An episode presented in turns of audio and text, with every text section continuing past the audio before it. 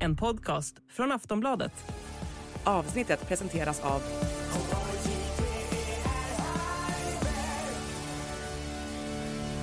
Stödlinjen.se, åldersgräns 18 år.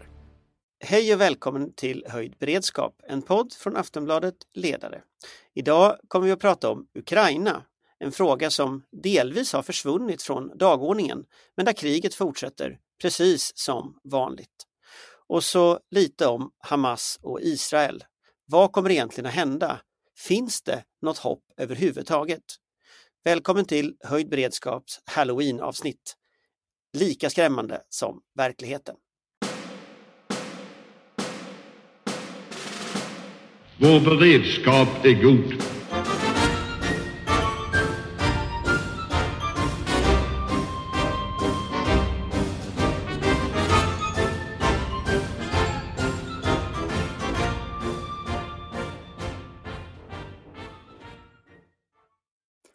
Ja, hej igen. Då sitter vi här i, eh, i cyberrymden nu. Vi har gått tillbaka till att sitta på, på, eh, på distans och spela in.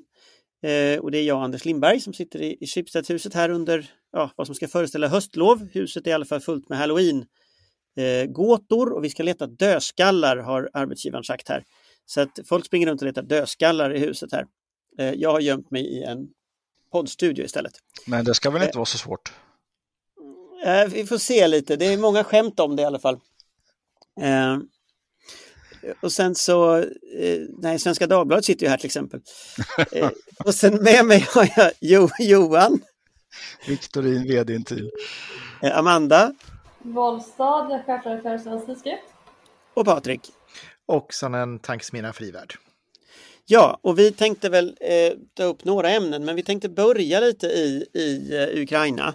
Eh, det är om man tittar på en normal tidning idag eller en normal nyhetstjänst av något slag så har ju Ukraina ramlat ner i uppmärksamhet eh, och eh, lite försvunnit. Men det kriget pågår ju i full, full skala.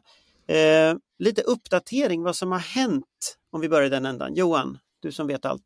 Ja, jag vet inte hur långt vi ska backa här i tiden, men det är ju helt klart att Ryssland på sina håll försöker att gå till motattack, både kring Avdivka, som är en viktig knutpunkt i Donbass, och nu har jag sett rapporter kring Bachmut som det har varit stora strider under hela året kan man säga egentligen. Eh, det, och det ser ju ut som att Ryssland klarar inte av att koordinera det här i sekvenser riktigt ordentligt. Men å andra sidan så har man fortfarande ett materiellt övertag, framför allt i luftdomänen. Eh, man använder då attackhelikoptrar och eh, glidande bomber från stridsflyg egentligen och trycker tillbaks de ukrainska trupperna och kvalificerar systemen och Ukraina har inte tillräckligt mycket luftvärn där. Eller några tyngre, och det minns jag att vi pratade om tidigare, att man saknar en tillräckligt stor kritisk massa med stridsvagnar och långskjutande artilleri. Det Ukraina har gjort å sin sida är ju att börja använda de nya ballistiska robotarna som man om ni tänker ungefär som en skuddrobot eller som en Iskander-robot eh, som skjuter då, eh, i en hög snabb bana eh, som man har fått från USA som kallas för Attackens. Eh, och det har man då skjutit mot kvalificerade mål som helikopter och flygplans, eh, alltså baser egentligen och med stor framgång. Så att ehm, det ser väl ut som att Ukraina inte har speciellt stora möjligheter att göra någon typ av genombrott eh, som eh, vi alla har hoppats på egentligen. Så det står just nu och väger när det gäller vad som händer på stridsfältet. Eh, sen på vad som händer politiskt kanske vi kan återkomma till sen då, för det påverkar ju naturligtvis stridsviljan. Kan vi ta en sak om stridsfältet bara? För en sån där kommentar som jag har sett från flera håll, det är att västs hjälp kommer för sent. Att det helt enkelt är så att den hinner inte fram och att Ukraina nu faktiskt har problem eh, på grund av det. Ja, nej, men, jo, men det, vi har ju diskuterat det tidigare att det tar tid att göra de här sakerna i ordning och det har varit lite för lite för lite tyngre materiel för, eh, alltså den 40 stridsvagnar, 200 stridsvagnar i all ära, men man måste ju ha liksom en kritisk massa som klarar av att trycka igenom de här otroligt täta fortifikerade linjerna som eh, ryssarna har byggt upp då med minfält och artillerispärrar och skytt, alltså stridsvagnsgravar och så vidare och så vidare i djupet så man stöter på den ena linjen efter den andra. Ungefär som man byggde upp det under det första världskriget. Samtidigt så ska vi komma ihåg här nu så ser vi ju eh, fortsatta enorma ryska förlustsiffror. Den officiella ukrainska räkningen på, på ryska förluster har ju nu passerat 300 000 och, och det är ju förlustsiffror på runt 800 man per dag som, som trillar in här och det är ju, det är ju bara att föreställa sig liksom hur den lilla svenska armén hade, hade stått sig med sådana förlustsiffror. Det, det är enorma mängder vi talar om. Men, men jag tänker Amanda, eh, alltså nu, nu, har ju mycket av uppmärksamheten här upptagits av, av Israel-Hamas. Eh, och, och, det har ju lite försvunnit från dagordningen på, på, på må många sätt, eh, Ukraina, Ryssland. Löper vi risk att glömma Ukraina till den punkten att man faktiskt kanske inte, att man börjar förlora det här? Alltså risken finns ju naturligtvis. Eh, det har ju talats länge om en, en liksom utmattning hos eh, allierade och, och stödjande länder, inte minst hos USA, eh, där, man ju, där vi har sett väldigt mycket strul kring budgeten och den nya talmannen och där man har tillfälligt stoppat stödet till Ukraina just för att få igenom en budget och undvika en så kallad shutdown. Därför att när amerikanerna når sitt budgettak så stänger man ju helt enkelt ner hela den liksom, då betalar man inte mer utan då blir det nedstängning tills man har kommit överens om en höjning. Och för att få igenom den här överenskommelsen så pausade man då stödet till Ukraina därför att det var på Republikanernas krav för att stödja. Um, så det är ju ett jätteproblem och där har vi en ny talman som inte heller, han, han uttalade sig väldigt väl i början av kriget och sa rätt saker och stöd, eh, stödde starka sanktioner mot Ryssland men har också varit eh, ganska kritisk till ekonomiskt stöd till Ukraina senare.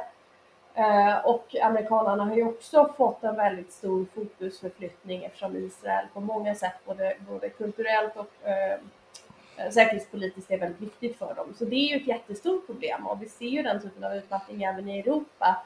Kanske inte riktigt lika mycket i eh, norra och östra Europa eftersom Ukraina ligger oss så nära och säkerhetsmässigt ligger oss så nära.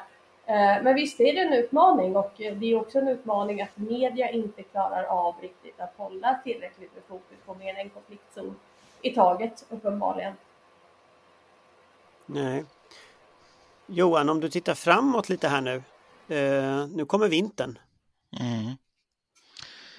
Ja, det är ju alltså alltid svårare att slåss under vintern. Det är ju mer utmanande, det kräver mer energi och så vidare. Så det kan finnas vissa, om man då exempelvis som finnarna lyckades med under finska vinterkriget, att vara överlägsna i vinterstrid, så kan man ju eh, få en del eh, fördelar och kanske lyckas då. Kan jag tänka sig att det finns mineringar som inte funkar på grund av eh, stort snödjup och sådana här saker. Så det, det, är möjligt, beroende lite grann på hur vintern blir och hur de här trupperna klarar av att eh, överleva vintern helt enkelt. Om det exempelvis skulle bli en väldigt kall vinter, vilket det kan bli i Ukraina emellanåt, eh, då kan det också påverka stridsvärdet på förbanden och vad man klarar av att göra med, med, med de här förbanden. Och där skulle jag tro att ukrainarna är bättre tränade helt enkelt. Så att om det finns en kvalitativ skillnad där och, vilket jag inte tog upp förut här, apropå det här med för lite och för sent, den här europeiska satsningen på eh, ammunition till Ukraina där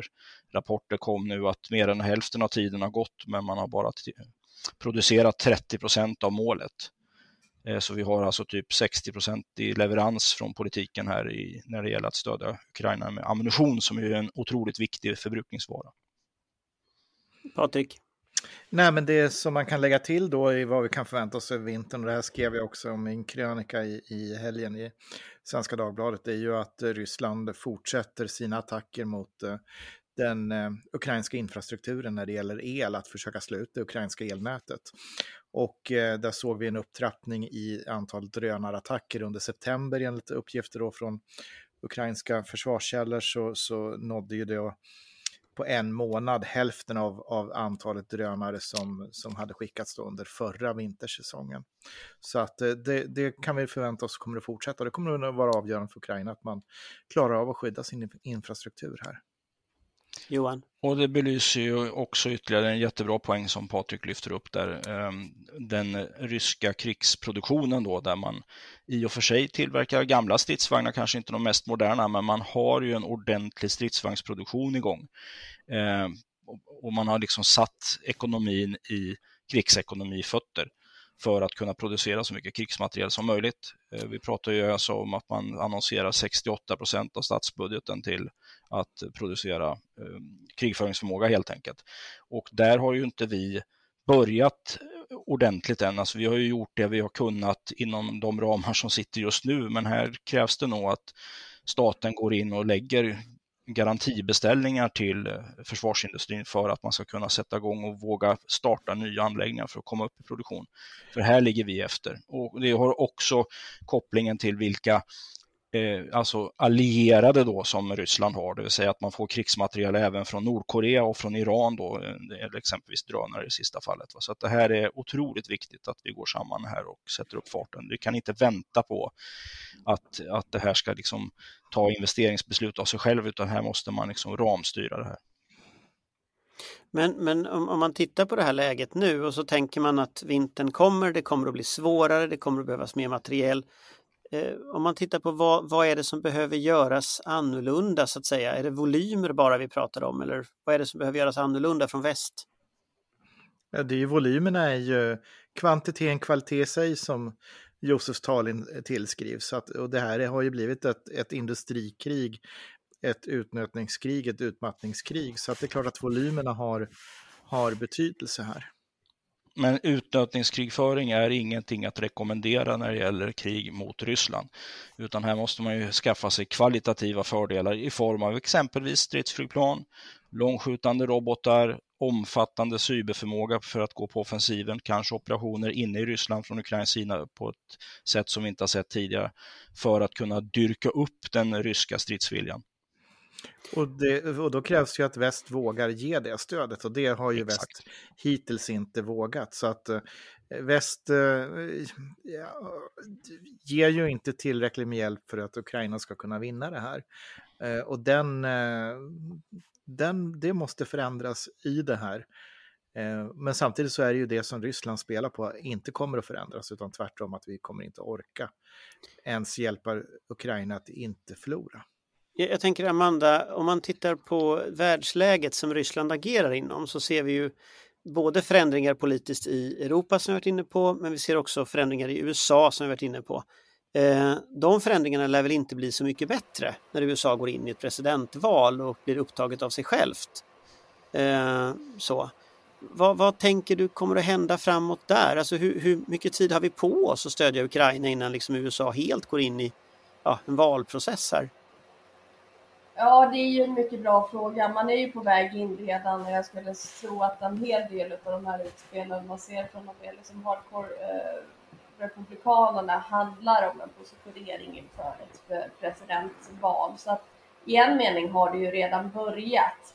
Eh, sen så, som sagt, man, man ska absolut inte underskatta Israels betydelse för eh, USA på väldigt många plan och eh, detta kommer att innebära ett annorlunda fokus där. Samtidigt som det kommer bli väldigt intressant att se de här eh, människorna eh, försvara varför man inte ska skicka pengar till Ukraina eftersom det inte är USAs konflikt medan man samtidigt, samma människor vill skicka ungefär hur mycket utrustning som helst till Israel därför att det ligger närmare deras väljares intresseområden. Ehm, så att det finns ju ett uppenbart hyckleri där också. Jag har absolut inget emot att man stödjer Israel eh, så länge man håller sig inom eh, folkrättens råmärken. Men, men det är intressant, eh, en intressant dubbelmoral. Jag tror att vi har ganska kort tid på oss. Jag tror att det kommer bli värre och värre. Sen får vi ju se hur det blir, både med vem som till slut blir Republikanernas kandidat och framförallt hur det går i valet. Men ju närmare valet vi kommer, desto svårare kommer den här debatten bli och desto större kommer eh, insatserna bli för de amerikanerna som positionerar sig i frågan. Eh, vi kommer ju behöva se ett större ansvar taget från EU-länderna framför allt. Och det är ju frågan om vi kommer klara av att släppa upp det. Det är ju någonting vi har pratat om i, i många, många år, att EU måste ta, måste ta ett större ansvar för sitt närområde, att Europa måste ta ett större ansvar för Ukraina. Frågan är om vi klarar av att möta det. Och på det europeiska planet så, ja, där har vi haft ett val i Polen eh, som väl utföll positivt, får man ju säga. Samtidigt så har vi en negativ utveckling till exempel Slovakien och Ungern håller ju på att tappa det fullständigt på många sätt och vis. Eh, så att där är också lite, lite blandat konfekt. Eh, och ehm, det är ett svårt läge. Det, det kommer också påverkas mycket tror jag beroende på hur kall vintern blir även här, hur det kommer se ut med el och energipriser. Eh, den typen av frågor. Vi är ju på väg in med stormsteg i en rejäl lågkonjunktur, vilket naturligtvis också riskerar att påverka opinionen för hur mycket stöd, eh, inte minst ekonomiskt, man kan skicka till Ukraina. Vi har diskussionerna om hur det blir med, nu det om så stora volymer, inte minst ammunition, hur man ska prioritera mellan det egna inhemska försvaret och stödet i Ukraina, där vi också kommer få se större konfliktytor tror jag, i takt med att vapenindustrin inte förmår producera så mycket som egentligen skulle behövas. Så det är, det är väldigt många orosmoment framöver. Och el, elpriset i, i, här i Europa och i Sverige kommer ju också naturligtvis att ha en viss påverkan då på hur många kaptener tappar sina ankare när de seglar omkring i, i Östersjön. Jag syftar nu på, på den här historien som, eh, där kablarna, gas och eh, kabel, internetkabel och så gick i Finska viken och mellan Sverige och Estland också tre stycken kablar totalt. Ett gasrör och två, två kablar. Och det är ju ett Hongkong-registrerat fartyg med vad det verkar ryska ägare som, som eh, misstänks ligga bakom det här. Och det, det är ju en typ av hybridkrigföring vi ser som pågår. Som naturligtvis sker av ett syfte att påverka sådana här saker. Man kan säga att det blev en liten övergång till nästa ämne som vi sa att vi skulle prata om. Eh, eh, Nato stärkte ju sin, sin, sin närvaro i eh, Östersjön som en konsekvens av just de här, de här eh, ankarna som hamnade fel. Eh, och det är ju någonting som nu har då överlämnats från den turkiska presidenten till parlamentet Ja, eh, inte ankaret då förstås. Inte ankaret, fast det hade nog haft ungefär samma effekt för att eh, NATO-ansökan är överlämnad till turkiska parlamentet som nu säger att ja, men vi kan vänta lite med den till nästa år någon gång. Eh, och sen samtidigt så har då eh, Viktor Orban fått luft igen eh, och börjar prata om att, eh, jag fattar inte vad han ville egentligen, men förra gången var de arg på något program i Utbildningsradion om ungersk demokrati.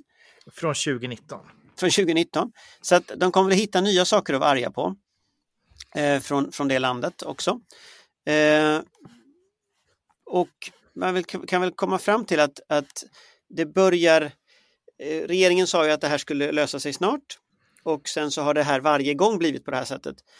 Eh, nu börjar det ju närma sig, om det är nästa år, att Johan faktiskt får rätt. Som ju sa att det blir 2024. Eh, detta vore naturligtvis en tragedi på många sätt. Eh, inte att Johan får rätt kanske, men att det tar till 2024, eller även att Johan får rätt. Men kommer Johan att få rätt? Vad tror ni? Kommer det här att lösa sig eller kommer Turkiet bara att spela med oss ännu mer? Vad de har gjort? Johan får inte svara först. Amanda? Alltså det är jättesvårt att säga. Det, det, det har ju blivit så många mer parametrar nu eh, sen eh, terrorattackerna i Israel och eh, säkerhets eh, kollapsen där, eller vad man ska kalla det. Och eh, en av dem är ju faktiskt, det skulle man kunna spekulera i att detta är vad som har fått i alla fall presidenten att få tummen ur och skicka det vidare. Eh, att man Turkiet har ju en komplicerad relation till eh, Hamas, till diverse grupperingar som tycker att våld är ett jättebra sätt att få sin vilja igenom och eh, som tar det här med religion på lite för stort allvar. Eh, och man skulle kunna tänka sig att eh, de allierade i till exempel USA börjar tröttna lite nu, att det är lite för många arenor som Turkiet försöker spela dubbelspel på samtidigt. Och att presidenten därför insåg att man kanske inte ska hålla alla konflikter igång på en gång om man vill behålla sina allierade i väst. Eh, sen är ju frågan hur mycket kontroll han har över parlamentet och det är egentligen en dubbel fråga. Är det han som vill att de ska fortsätta skjuta på det? Så att han kan skylla på parlamentet eller agerar de i protest mot presidenten. Det finns ju hardliners i parlamentet som skulle vilja se att Turkiet stödjer Hamas eh, betydligt mer uttryckligen än handgripningen. Eh, så det, det, är väldigt många parametrar där samtidigt som Ungern då håller på att eh, ja, där, där, har vi ju sett på de här bilderna med eh, Orban, eh, med Putin och så vidare. Och där, där har man ju uppenbarligen kastat skynket i mångt och mycket. Och där närmar han sig också ett val nästa år har jag för mig. Så där handlar det väl också en viss positionering inför detta. Eh, så att eh, det är många parametrar det är svårt att bedöma. Jag tror ändå att vi börjar närma oss, men om vi är på den här sidan av årsskiftet eller att Johan får rätt i alla fall, det, det ska jag nästan låta vara osagt. Patrik? Ja, det var ju utförligt Amanda, så att det enda jag kan bara understryka och någon slags kärnfull eh, konklusion är väl att eh, det, det, är väl som att singla slant här. Antingen så, så är det det här att han behöver släppa en konflikt mindre och då kan parlamentet släppa igenom Sverige eh, för att nu blev det komplicerat så man vill inte hålla igång det. På andra sidan så finns ju då symbolen i det här när han hade det här talet Erdogan eh, i, i, eh, det var väl i fredags va? Ehm, där han då pratade om, eh, riktade sig till väst och sa det att vill ni ha en konflikt mellan, mellan ehm, eh, då korset och, och halvmånen och så vidare och så vidare i, i ett tal då som stödde, stödde Hamas. Eh, så, så blir det kanske lite magstarkt att eh, rösta för en korsfaraflagga i, i, i det turkiska parlamentet om man då tar det i någon slags retorisk kontext som, som det här skulle kunna spela ut sig i Turkiet. Så att eh, ja, jag, jag hoppas att Johan har fel, men jag säger inte att han har det. Alltså jag börjar ju undra lite här måste jag säga. Alltså, jag tänkte på det som Amanda sa, det, valet i Ungern var ju förra året, parlamentsvalet. Så, så, så eh, nu är det ju EU-val i hela unionen nästa år. Eh, men, men Viktor Orbán har nog bara sig själv att förhålla sig till det här, gör han detta, då är det nog utifrån att han vill ha en kontakt med Putin eller att han vill ha den typen av relationer. Är eh, min, är min, liksom, min spaning på detta när man följer liksom den delen av politiken. Han har ju byggt upp sitt stöd med hjälp av Polen i EU. Men Polen har ju aldrig varit proryskt så att det har ju liksom aldrig gällt riktigt i den utrikespolitiska delen. Men nu får han däremot, Slovakien. Exakt, däremot så är det så att Robert Fico som nu har blivit premiärminister i Slovakien, eh, han leder ju ett högerextremt parti som ju har kallat sig socialdemokrater i alla år. De har till och med varit medlemmar i Socialdemokraterna på Europanivå av och till. Just nu är de väl uteslutna igen tror jag, men, men eh, det har liksom varit ganska stormigt kring dem. Eh, de är ju genuint proryska. Så att, så att, så att den slovakiska eh, nya premiärministern kan bli ett ännu värre problem i Europa än Viktor Orbán. Eh, därför att han har också hela sin ekonomi som bygger på gasimport från, från Ryssland. Eh, så, att, så att Slovakien är verkligen ett jättevarningstecken, eh, utvecklingen där, eh, skulle jag säga.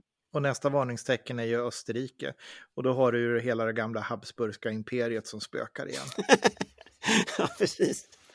Habsburg kommer tillbaka. Nej men jag tror faktiskt att vi ska vara, alltså jag, hopp, jag, jag börjar landa i att jag är orolig att Johan har rätt till att jag hoppas att Johan har rätt. Därför att de här kort, alltså de här skalorna som man tittar på, de pekar åt väldigt olika håll. Och många har ju gjort bedömningen att, att, eh, att eh, Erdogan accept, alltså skickade iväg Sveriges ansökan till parlamentet därför att USA satte press på någon form av position i liksom Mellanöstern-diskussionen för honom. Nu efter det här konstiga talet i fredags när han ska prata om väst som korsfarare och så, så vet jag inte riktigt vad han kan ha för roll överhuvudtaget. Så frågan är ju om de auktoritära krafterna blir ännu mer auktoritära. Eh, och då kanske de skjuter upp det här ännu längre. Johan slutligen, du som haft rätt hittills. Ja, alltså det, det är ju bra förstås att det är ju ett, ett, steg mindre på vägen att det här har gått till utrikesutskottet. Eh, när eh, USA skulle gå in i Irak med en koalition 2003 så var det ungefär samma visa. Det vill säga att det gick ett ett förslag till parlamentet som då röstade ner det. Och då så slapp Erdogan undan eh, eh amerikansk basering och utgående av anfall på Irak från turkisk eh, mark. Så att det finns ju en liten mönsterigenkänning där.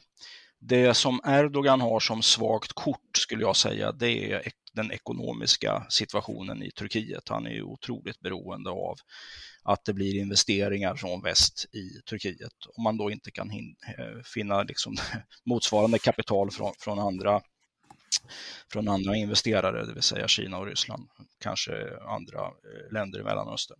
Så det, det, är hans svaga punkt i, i det här läget. Jag tror att den här konflikten nu då mellan Israel och eh, Iran eh, med sina olika proxyorganisationer som Hamas och Hezbollah, det är inte bra för Sverige. Eh, det kan tas till intäkt för att förvärra läget eftersom vi då inte tar en tydlig ställning för Hamas, eller rättare sagt för det palestinska folket som man försöker klä det här i.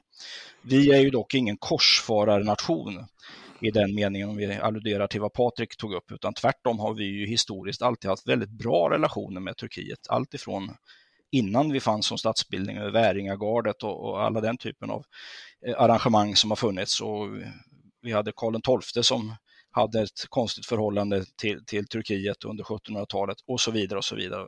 Så att det, det kan man nog inte egentligen intellektuellt spela speciellt långt på med att klä oss i den här, men här i den nya världen är ju allting möjligt när man kan påstå vad som helst och komma undan med det i, i befolkningar som är känslomässigt engagerade och kanske inte har den högsta utbildningsnivån. Då är det ju lätt att komma undan med den typen av, av bitar. Sen när det gäller Ungern, så jag som då eh, använder mig av psykolingvistik i jobbet har ju börjat fundera på om den här formuleringen att vi blir inte sist att skriva undan. Så om Turkiet skriver på och Ungern inte gör det, då blir ju inte Ungern sist, för då blir ju Turkiet sist att skriva på.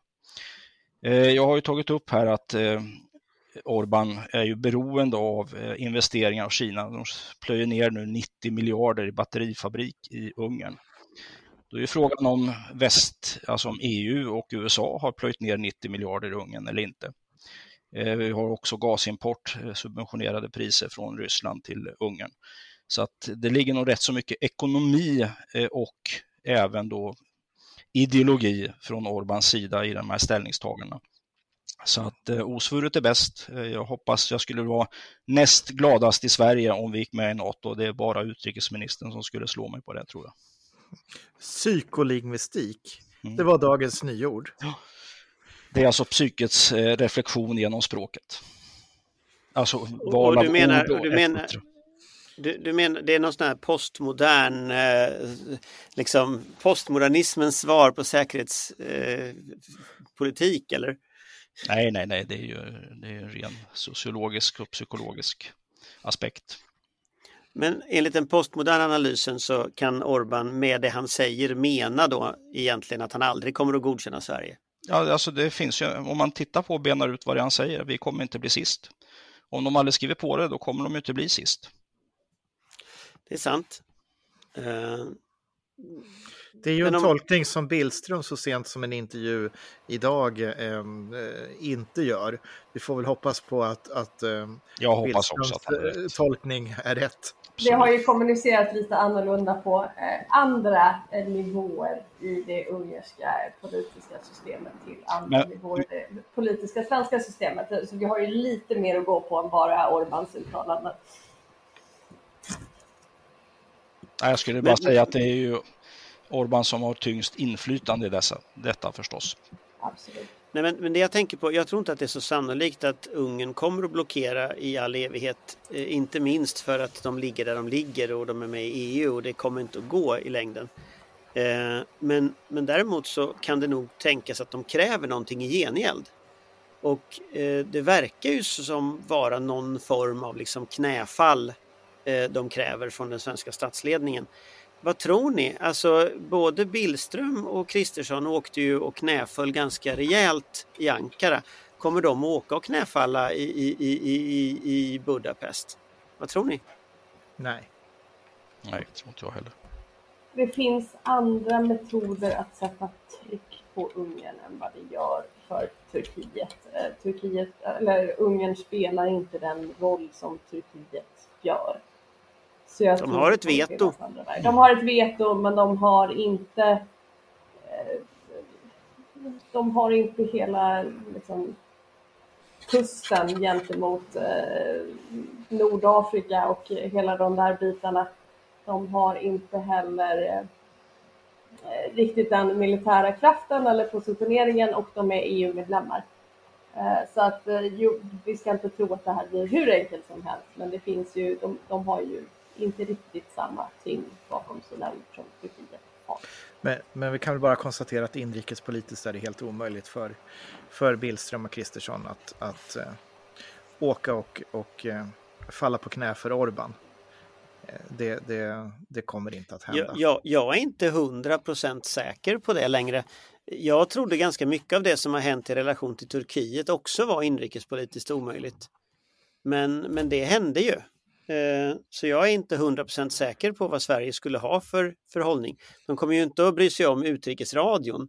Men jag menar det kan ju finnas andra saker som Ungern kräver.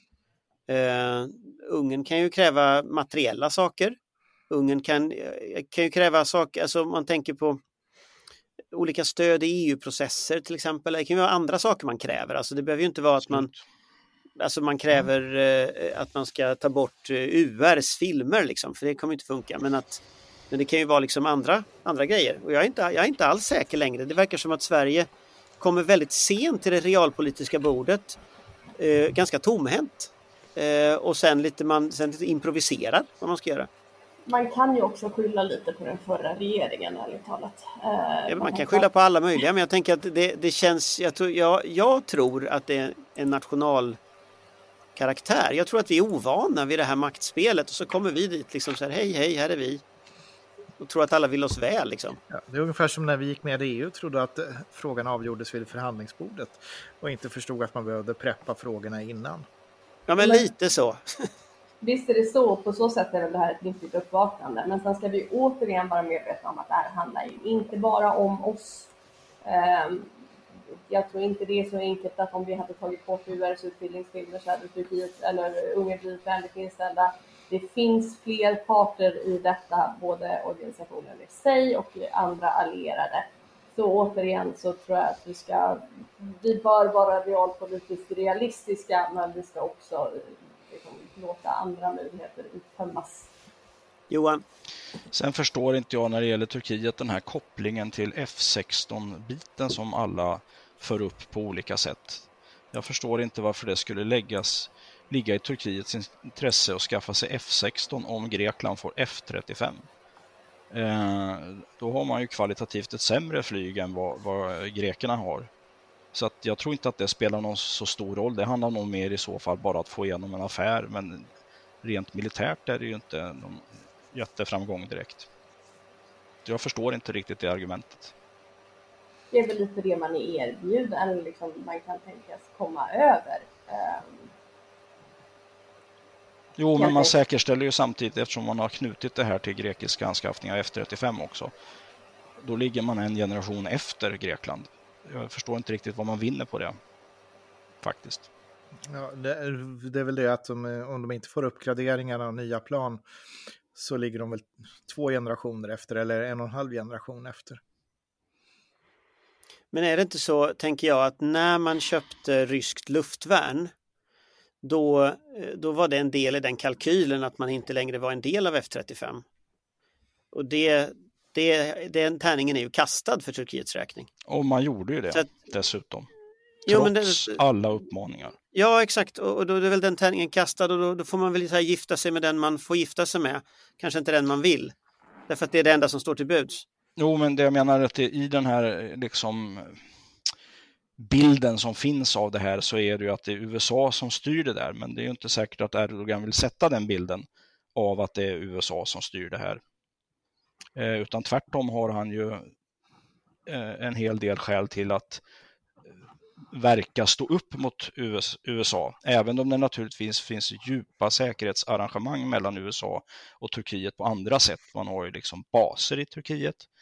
Ehm, och man kan ju tänka sig att man eh, köpte de här S400. Jag har ju inget som helst belägg för det, men man skulle ju kunna tänka tanken att man köpte S400 trots det här motståndet mot att man fick då komma in från amerikansk sida och gräva i systemet. Så att det vet vi ju inte riktigt. Det är ju en bit man kan reflektera kring är väl att F16-planen som den enda avgörande faktorn är en alldeles för enkel analys. Spelplanen som jag tycker att man anar är ju betydligt mer komplex mm, än bara F16-planen. Utan det är ju en, det är ju en del i en, i en, i en fruktsallad. Men, men sen är väl också F16-planen jämfört med de... I en gulasch. Ja, i en ungersk gulasch, ja. Mm. Men, men, är det inte så också, tänker jag, att de, de motståndare som, som Turkiet har i regionen har ju varierande grad av eh, kvalifikation. Och F16 duger ju alldeles utmärkt mot ganska många av dem. Så att jag menar, det, det, om du inte ska kriga mot Grekland så har du ju alla, alla användning av de planen. Till exempel försvarslösa kurder i norra Syrien. För att ta ett exempel helt taget i luften. Mm. Då blir de ju utmärkta plan. Mm. Men det är ju också de befintliga. Ja, absolut. Nej, det är en uppgradering. Mm. Eh, jag tänker på en annan fråga kopplat till detta.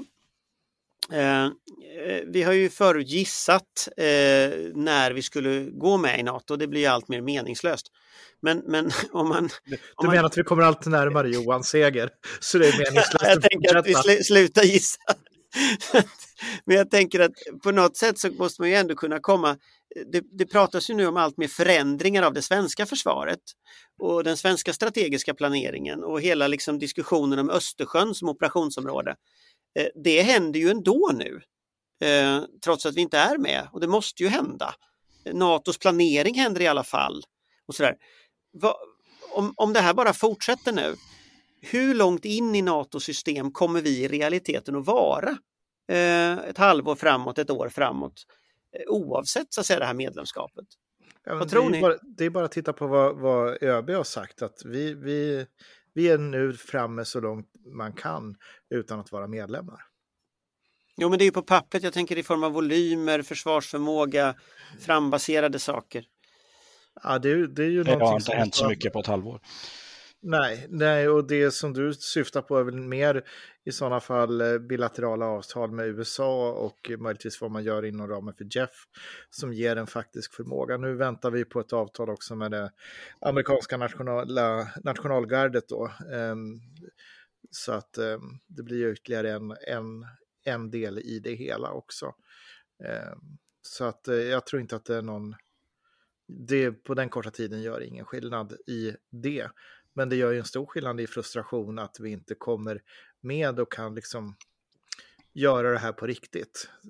Jag tror att ÖB uttryckte sig någonting i stil med att man kan ju bara bli så bra på att öva utan att göra skarpt och det är ungefär där vi är nu när det gäller att vara NATO-medlem. Johan? Nej, men jag har inte så mycket att tillägga. ÖB pratar ju om att när det börjar bli år, då börjar det bli problematiskt. Men det börjar ju bli år. Ja. Det, är ju det, alltså det, det är ju så. Det, mm. det, det, är ju det jag menar. Alltså det mm. börjar ju bli år. Mm. 2022 ansökte vi, 2023 är det nu, 2024. Alltså vi, det drar ut på tiden på riktig tid. Liksom. Mm. Men sen ska vi inte glömma bort att vi har också ett modus operandi. Så att eh, även om vi då inte är med i NATOs försvarsplanering så kan vi ju säkert göra arrangemang som gör att vi ändå blir en implicit del av den planeringen och vice versa eh, i andra arrangemang som man aldrig pratar om. Och där har vi ju också helt öppna arrangemang numera, till exempel det här avtalet om användning av amerikansk möjlighet att använda svenska baser och så vidare. Där man ju bilateralt kan lösa en del och som Johan säger, det finns säkert eh, ursäkta att det kurras lite i bakgrunden här, det är en missnöjd liten hund. Eh, det finns säkert eh, även andra överenskommelser och tankar. Så att det är inte som att vi Även om NATO-medlemskapet skulle dröja så är det ju inte som att vi är någon slags eh, egen ö svävande i ingenting utan det finns ju fortfarande samarbeten och samövningar och, och eh, viss samplanering även om det inte går att göra fullt ut. Så någon kanske kan skriva en bok så småningom som inte heter Den dolda alliansen utan Den dolda försvarsplaneringen. Men med det sagt så finns ju faktiskt risken att vi får en president i USA som står och säger på sina valmöten att han, eh, han har hotat utländska statschefer med att han inte kommer komma till undsättning om Ryssland anfaller dem. Och det här måste man ju ta på största allvar vare sig man är med i NATO eller inte. Så vi har inte tid att släppa fötterna i backen längre. Vi kan inte göra så mycket åt det dock. Jo, det kan vi eh, visst det. Vi kan ju öka vår krigföringsförmåga ordentligt. Och det går alldeles för långsamt och det är alldeles för handfallet fortfarande det svenska systemet. Jo, jag tänkte just på själva NATO-medlemskapet. Mm, mm. Alltså, ja, ja, det. Men, men eh, vil, här vilar man på egen botten som eh, var Ehrensvärds bevingade ord vid Sveaborg. Mm. Och det gick ju bra. Eh, ska vi vi kan... Men det var inte Herrensvärds fel. Det var, det, det var, var hans namn vi inte tar i vår mun. Precis, det var inte Herrensvärds fel. Men om vi tar, om vi tar ett annat, sista ämne som jag tänkte vi skulle prata om. Som, allting flyter ju ihop här, det är det som är så bisarrt. För här har vi ju då Israel-Hamas och det börjar ju då den 7 oktober. Vilket ju alltså innebär att, att nästa vecka så är det alltså en månad in i en konflikt som ju började med Hamas terrordåd men sen har utvecklats till att bli i alla fall på någonting som kan bli en internationell storkonflikt. Och nu med oerhörda humanitära eh, eh, eh, humanitär katastrof skulle man nog kunna säga. Eh, både den initiala terrorattacken på Israel och i Gaza i, i dagsläget. Och det kommer in siffror hela tiden hit till redaktionen. Mycket är ju inte verifierat men, men när man tittar på det som är verifierat så pratar man ju om, om tusentals eh, barn som har dött eh, i, i, i Gaza Eh, man pratar om eh, siffror från FN nu som är att, att ungefär 70 procent av de som har dött inne i Gaza eller förlusterna inne i Gaza är kvinnor och barn. Eh, man pratar om en materiell förstörelse som är oerhört omfattande. Samtidigt ser vi Hezbollah som ju, ju hotar norrifrån och vi ser att Hamas fortsätter skjuta raketer. Jag har flashat från, från Haaretz Eh, för jag har deras app och försöker följa därifrån. Och det kommer hela tiden flashar om att det är då sirener som ljuder på lite olika ställen. Eh, där man ju då ja, har raket, raketvarningar då för folk. Eh, och om ni skulle få liksom tänka lite så här, kring den här konflikten. Eh, finns det liksom någon, någon, gräns för när det här tar slut? I egentlig mening. eller sjunker ner i alla fall i, i, i intensitet. Vad tror ni? Ja, det är en eh, otäckt hög risk att det här slutar riktigt illa eller fortsätter riktigt illa. Eh, utifrån israeliska förutsättningar som har de ju valt en, en linje som är den allierade linjen under andra världskriget. De ska liksom slå ner Hamas så att de likt Tyskland inte reser sig igen som en militärt hot mot Israel eller som ett säkerhetshot mot Israel. Sen är de säkert öppna för att förhandla med andra palestinier och sånt, men jag ser inte att de kommer avbryta den, den här offensiven man håller på med in i Gaza, utan man har satt upp ett mål som inte vi riktigt känner till, eh, annat än att den är då kanske att slå motståndaren. Eh, men hur lång tid man är beredd att satsa det, de kommer nog göra det så länge det krävs. Men då, ju längre den tiden går, desto större blir ju risken att andra blandar sig i, det vill säga Hizbollah och i förlängningen också Iran då, direkt och indirekt. Houthis i Jemen har vi också. Nasrallah, Hizbollahs ledare, ska ju hålla tal här på fredag exempelvis i, i, i Libanon. Samtidigt som detta sker så sker det alltså en stor uppladdning. USA flyger liksom 50-tal stora transportkärror per dygn nu över till Mellanöstern från, från kontinentala USA stormakterna har sina övningar med kärnvapen. Man har då eh, Ryssarna har skjutit Sarmat, eh, alltså en interkontinental ballistisk robot. Man har skjutit eh, Bulava från ubåt. Amerikanerna har skjutit Minuteman 3, eh, ballistisk robot. Balava är alltså, eh, vad heter det, mot markmål från strategiska kärnvapen? Ja, från, från ubåt. Ja. Så det är ju egentligen andra slags förmåga man har pratat om. Så då tänker de fullt kärnvapenkrig. Ja, de signalerar ju detta. Det är ju Eller, del, det signal, det bara för att förklara för Absolut. orden, bara så yes. att du liksom... Yes. Ja. Eh, amerikanerna har, skjut, har skjutit Minuteman 3 som är också då en interkontinental ballistisk robot och fransmännen har också skjutit från ubåt för att visa att de också är på tårna. och parallellt med detta då så behandlar man, slutbehandlar man i duman nu president Putins förslag om att vi ska eh, frångå, icke provstopp, eller, frångå provstoppsavtalet. Så att vad man kan se att det rullar mot det är ju att det blir en, en, en provsprängning helt enkelt. Ja, och sen kan vi lägga till eh, att eh, Kina gör en kraftig kärnvapenupprustning också. Bara för att göra det ännu mysigare. Men, men om man tittar på den frågan jag ställde var ju egentligen så säga, lite så här ett, ett försök till att få något hoppfullt. Det misslyckades jag fullständigt med i svaret där, noterar jag. Det, det får du nog köra i en annan podd. Det, det ligger utanför din kontroll Anders kan jag säga. Men jag tänker liksom, eh, för att, för att det finns ju, eh, alltså Hamas har ju väpnade styrkor förvisso, de har en militär infrastruktur förvisso, de har sina tunnlar förvisso. Men i grunden så är det ju, bor ju två miljoner människor på Gaza. Och när man säger förstöra en militär infrastruktur, förstöra en organisation. Alltså vad menar man? Skulle du tro? Alltså Johan är väl den som vet bäst, liksom, men vad, vad, vad menar man att man har förstört? Liksom? Man kan bara riva tunnlarna en gång. Liksom. Ja, man ska försätta den här organisationen i stridbart skick. Det kommer ju finnas små spillror kvar då av Hamas grupperingar och sådana här saker, men de kan liksom inte organisera sig och det är någon annan som ska ha befälet över Gaza. Jag tror inte Israel vill sitta på Gaza och jag tror Israel kan tänka sig att bidra att bygga upp en del av det där också. Eh, men det som det handlar om är att slå ut Hamas förmåga för översiktlig framtid. Vi pratar liksom 50 år. Eh, för att eh, det inte ska vara ett hot mot Israel. Tyskarna har ju, hållit, har ju inte varit ett militärt hot mot, mot Europa på 80 år. Så att det, det, är så man tänker tror jag. Men här måste vi också stanna upp och fundera på vad tänkte Hamas? För Hamas har ju naturligtvis haft en plan med det här. Det är inte som så att de, de gjorde det här utstuderat, brutalt, välplanerat i en skala som är helt chockerande. Vi pratar om den det värsta massmordet på, på judar sedan andra världskriget på ett och samma tillfälle. Det är ju liksom, man har ju gjort det med ett syfte och antagligen då för att få fram en väldigt stark israelisk reaktion att gå in starkt i Gaza. Så att det här är ju, Hamas kör ju reflexiv kontroll. Så då är frågan då, vad, vad, vad ligger liksom i Hamas spelplan? Och vad vill de uppnå med det här? Ja, det var ju därför jag nämnde Iran först då, för att de finns ju naturligtvis med i den här kalkylen. Ja, och därför är ju risken stor då att det här sprider sig. Precis, det är ju liksom där, det måste ju finnas en, en, en spelplan där man då har tänkt i tre, fyra, fem schackdrag i, framåt.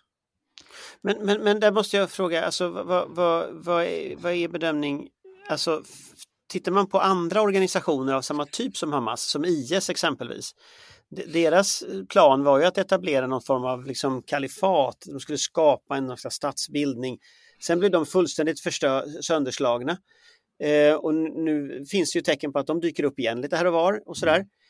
Går vi tillbaka i historien så finns ju föregångare till IS som har dykt upp på lite olika ställen. Det är ju liksom en lång kedja som går tillbaka väldigt långt tillbaka i tiden. Finns det någonting som helst som tyder på att det går att bekämpa en organisation som Hamas på det sättet? Ja, det gör det ju absolut. De är ju ingen stat, det är inte Tyskland vi pratar om. Det är ju just snarare som IS, att det är en organisation som förändras och utvecklas. Och en, någon israelisk eh, tidigare, tidigare eh, säkerhetstjänstchef sa ju att, att de är en ideologi. Liksom. Ja. Nationalsocialismen är inte utraderad från världen. Men nationalsocialismens förmåga att, att då, eh, då i, i, en statsbildningsform erövra andra länder, eh, den är ju sönderslagen.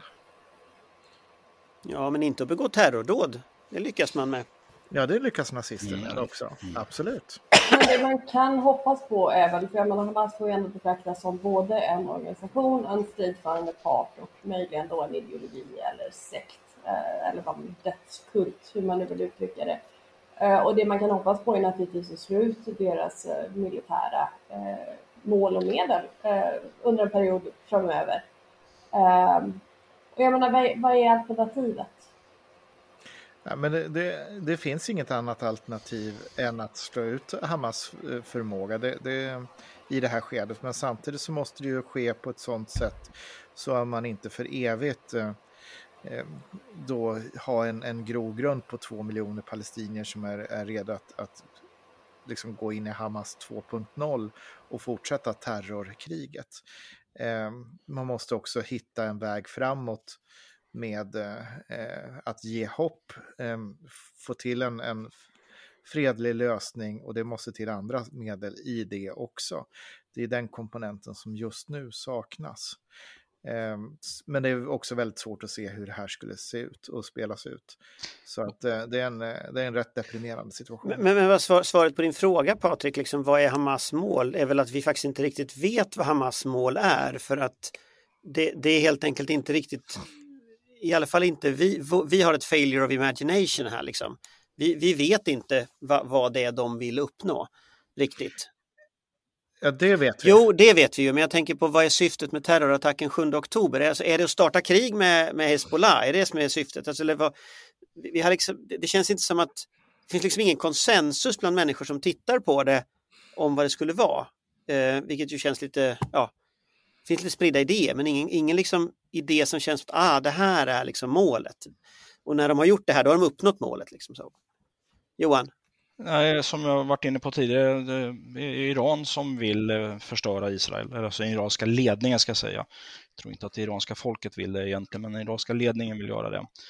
Eh, någon analytiker, jag glömt bort namnet, kallade det eh, prästerskapet för liksom en Sovjetunionen i en islamisk mantel. Det är så man ska förstå den liksom stats eller det sättet de agerar på egentligen som en slags international Eh, på det här sättet och de vill då provocera fram eh, saker och ting som gör att man kan angripa Israel på flera fronter. Och det är därför vi ska se det här amerikanska engagemanget med två stycken hangarfartyg i Medelhavet för att signalera, alltså tänk inte ens på det här.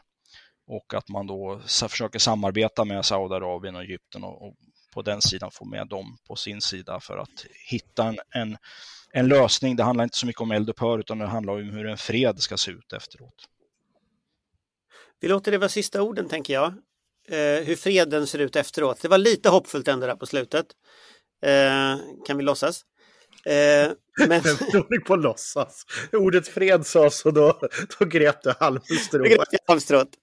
Men vi tackar för idag. Vi är tillbaka igen om två veckor. Eh, och eh, vi får, får hoppas att halloween eh, inte blir lika skrämmande som verkligheten är just nu, för då kommer vi bli vettskrämda allihop. Så tack för oss här och eh, vi ses och hörs. Hej! Vår beredskap är god.